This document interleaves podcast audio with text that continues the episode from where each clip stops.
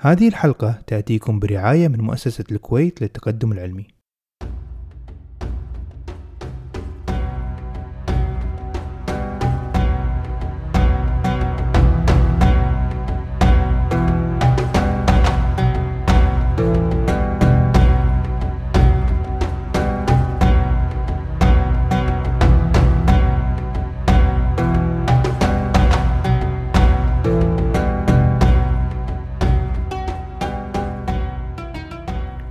السلام عليكم. حلقة اليوم ستكون مختلفة عما تعودنا عليه في هذه السلسلة الرمضانية. فبدل أن نروي قصة عالم وأهم إنجازاته فستكون الحلقة فلكية معرفية بامتياز حيث سنروي قصة ولكن ستكون عن فكرة ومعرفة محورية في فهم الإنسان لموقعه في هذا الكون وكيف أسهموا علماء المسلمين بصياغة هذه المعرفة. الفكرة هي عن موقع الإنسان والكرة الأرضية من المجموعة الشمسية ومن درب التبانة والكون المنظور بشكل عام. في رابع حلقات البودكاست قبل سنوات عملت حلقة بعنوان موقع الأرض في الكون والعقل البشري. استعرضت في تلك الحلقة كيف تطورنا بالفكر والاعتقاد عن موقع الأرض والذي كان يعتقد أنه في منتصف المجموعة الشمسية والذي يسمى بنموذج مركزية الأرض. ثبته بطليموس بكتابه الأسطوري المجسطي وتناوله البشر على مدى عقود من الزمن. ولكي تكون هذه الحلقة مفيدة بشكل أكبر سأعيد شرح فكرة نموذج مركزية الأرض باختصار. النموذج يسمى جيوسنتريك موديل حيث الأرض هي مركز الكون وكل شيء يدور حولها بما في ذلك النجوم. فيفترض النموذج وجود قبة سماوية ثابتة تحيط بالوجود تكون الأرض في مركزها والنجوم معلقة بسطح هذه القبة والكواكب لها مدارات حول المركز وكذلك الشمس لها مدارها الخاص والقمر له مدار الخاص كل له فلك يدور حول الأرض. النموذج فسر أيضا حركة الكواكب الخمسة التي ترى بالعين عطارد والزهرة والمريخ والمشتري وزحل حيث كان يتم تمييزهم عن النجوم بلمعانهم الشديد وحركتهم الشاذة عن النجوم. هذا بشكل مختصر ولفهم النموذج أكثر وفهم عيوبه ارجعوا لتلك الحلقة. بعد ذلك انتقلنا إلى نظام مركزية الشمس heliocentric model الذي شرحته أيضا هناك بتفصيل بإسهامات كوبرنيكوس ويوهانس كيبلر وغاليليو.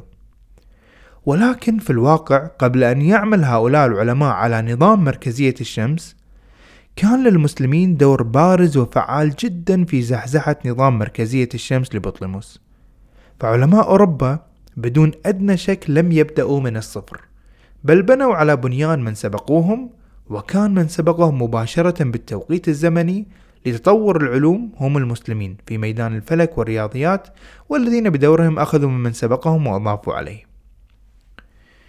إذا أردنا تقصي حقائق هذا الموضوع فيجب أن نعود إلى القرن الثامن بعد الميلاد فحوالي منتصف ذلك الزمان وصلت بعثة هندية إلى بلاد المسلمين.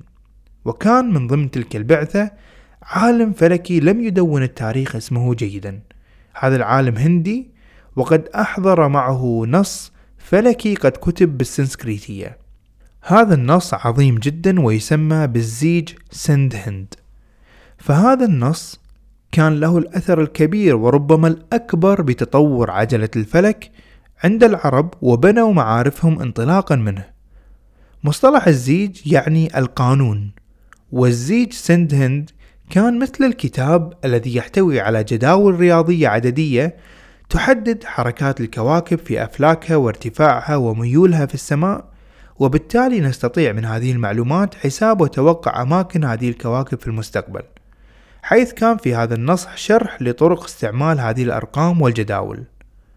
ولأهمية الموضوع قام العالم محمد بن إبراهيم الفزاري ويعقوب بن طارق بترجمة هذا النص إلى العربية وجعله متاح لعلماء العرب الآن المصادر التاريخية تذكر أن هذا النص الأصلي قد ضاع وكذلك النص المترجم للفزاري أيضا قد تعرض للضياع وقد يتساءل سائل إذا كانت النصوص قد ضاعت كيف نعرف أنها حقيقية؟ في الواقع النصوص كانت موجودة وتناقلها المسلمون وأضافوا إليها حتى وصل إلى الغرب المسيحي في القرن الثاني عشر والثالث عشر وقاموا بترجمته إلى اللاتينية عن طريق أديلارد الباثي والذي نقله بالترجمة وبين العلم اليوناني المذكور بالنص وإضافات الهنود وأخيرا كل تعديلات المسلمين التي امتدت طوال فترة ازدهار علم الفلك والعلم التجريبي بشكل خاص عند المسلمين. طبعا المسلمين أولوا علم الفلك اهتمام خاص جدا وكان ذلك الاهتمام بمسائل الشروق والغروب الشمسي لمسائل متعلقة بتحديد أوقات الصلوات واهتموا بحركات النجوم لتحديد مكة والقبلة أو لمسائل دخول الأشهر مثل رمضان المبارك أو العيد أو غيرها. وقد وجدت مصدر لعالم فلكي فرنسي متخصص بتاريخ الفلك اسمه جان فيار فاردي يذكر بأنه لم يشاهد في تاريخ الحضارات السابقة قاطبة أن تهتم حضارة بعلم الفلك مثلما فعل المسلمين بين القرن الثامن إلى القرن الرابع عشر من الميلاد. فكانت نتيجة هذا الاهتمام إنشاء مراكز رصدية خاصة وعامة ووجود برامج رصدية محددة فظهرت مدارس فلكية حقيقية وتطور المستوى الرياضي عند أغلب علماء المسلمين وكانت المراصد تكون لها مدة عمل ترسم لها منذ وقت إنشائها وهي 30 سنة وهي مدة دوران كوكب زحل وإتمامه دورة كاملة آخر الكواكب التي يمكن رصدها في العين المجردة. فلأجل وضع جدول كامل لحركة جميع الكواكب والنجوم عليهم الانتظار 30 عام. عموما دعونا نرجع إلى حيث تركنا الفزاري بعد ترجمته زيج السنت هند فبعد ذلك استلم العالم الفرغاني على عاتقه الدور التالي في تطوير وتنقيح هذا الكتاب العلمي المهم جدا. فكتب كتاب اسمه جوامع علم النجوم والحركات السماوية. وصف فيها الظواهر الطبيعية ولخص المجسطي لبطليموس وكان كتاب بدون براهين رياضية. ولكنه احتوى على شيء مهم جدا جدا. ألا وهو انتقاد لبعض أرقام بطليموس وهي من السوابق المهمة. فقد قام بطليموس بحساب دائرة البروج والتي كانت 23 دقيقة و40 ثانية قوسية وقام هو بتصحيحها إلى 23 درجة و35 ثانية قوسية. بغض النظر عن الأرقام وتفاصيلها فالفكرة هنا تصحيح لبطليموس مما يعني تنقيح وبداية اهتزاز ولو كان طفيف للنموذج الذي ثبته بطليموس لمركزية الأرض. ولو أنه لا زال الناس والعلماء بتلك الحقبة يؤمنون بمركزية الأرض وعلى أنها الحقيقة العلمية حسب آخر ما اكتشفوا وتوصلوا إليه. بعد ذلك بالتسلسل الزمني ظهر لنا أول زيج عربي مبني على أسس علمية رصدية ويسمى بالزيج الممتحن. في التاريخ هو مجهول الهوية ولكن لم أكن لأذكر اسمه لولا الاعتماد البيروني وثناؤه على العمل في كتاب الآثار الباقية في القرون الخالية واعتماد البتاني عليه كذلك في الزيج الصابي. أهمية هذا الزيج أنه يحوي انتقاد مبطن لاعتقاد بطليموس الذي كان يقول أن الشمس ثابتة في أوجها وحضيضها بمعنى أن بعدها عن الأرض ثابت ولا يتحرك. فقد بين الزيج أن هناك اختلاف في هذا البعد وهذا الشيء أيضا محوري لاهتزاز خفيف آخر في نموذج مركزية الأرض. وفي هذه الأوقات هناك عالم كبير آخر يراجع كل هذه الأعمال وبالتحديد السند هند وكتاب المجسطي وهو أبو عبد الله محمد البتاني الذي ولد في بتان بجانب الفرات في العراق وبعدها تنقل ما بين الرقة وأنطاكيا وقد عمل في رصد النجوم لأكثر من ثلاثين عام. يمكن حتى تصنيفه على أنه عظيم كراصد أكثر منه كواضع نظريات. وفي زيجه وكتبه قال البتاني بإمكانية حدوث الكسوف الحلقي.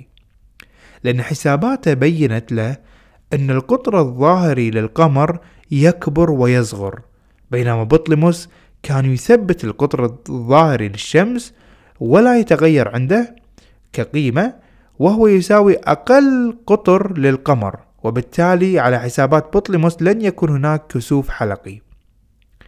كل ذلك ضمنه البتاني في الزيج الصابي. هذا الزيج لم يكن له تأثير على العالم العربي فحسب بل تعدى ذلك بكثير حيث حساباته أثرت على علم الفلك والمثلثات الكروية في أوروبا حتى بداية عصر النهضة وتم ترجمته من العربية إلى اللاتينية في القرن الثاني عشر أو القرن الثالث عشر وترجم إلى الأسبانية بأمر من ملك قشتالة ألفونزو العاشر. بعد ذلك نصل إلى إضافة من صديقنا وعالمنا الذي تكلمنا عنه في ثاني حلقات سلسلتنا وهو البيروني.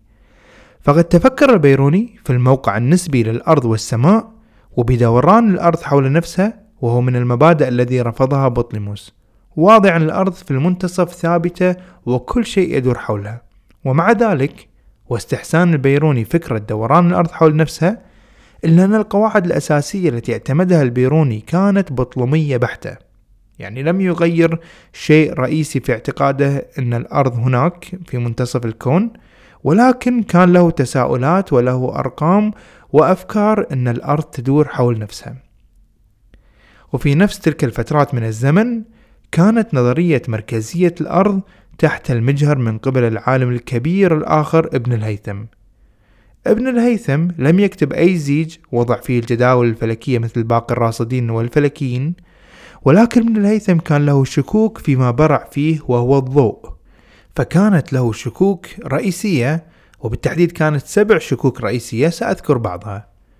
وهي أن طريقة تقدير القطر الظاهري للشمس في الأفق في وسط السماء لا تراعي علم البصريات الذي بالأساس كان فن وفهم ابن الهيثم وموضع إبداعه.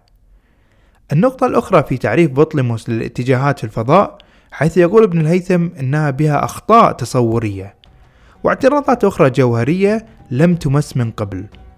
هذه الاعتراضات مهدت الطريق لعلماء سيأتون بعد 200 سنة في أواخر العصر الذهبي للإسلام ليعيدوا إحيائها مرة أخرى أو بمعنى أدق ليبنوا على هذه الإشكالات ويهزوا أكثر وأكثر نظرية مركزية الأرض. وهم من سنتعرف عليهم في الحلقة القادمة في مدرسة ومرصد مراغة فإلى ذلك الحين كونوا بخير وإلى اللقاء. thank you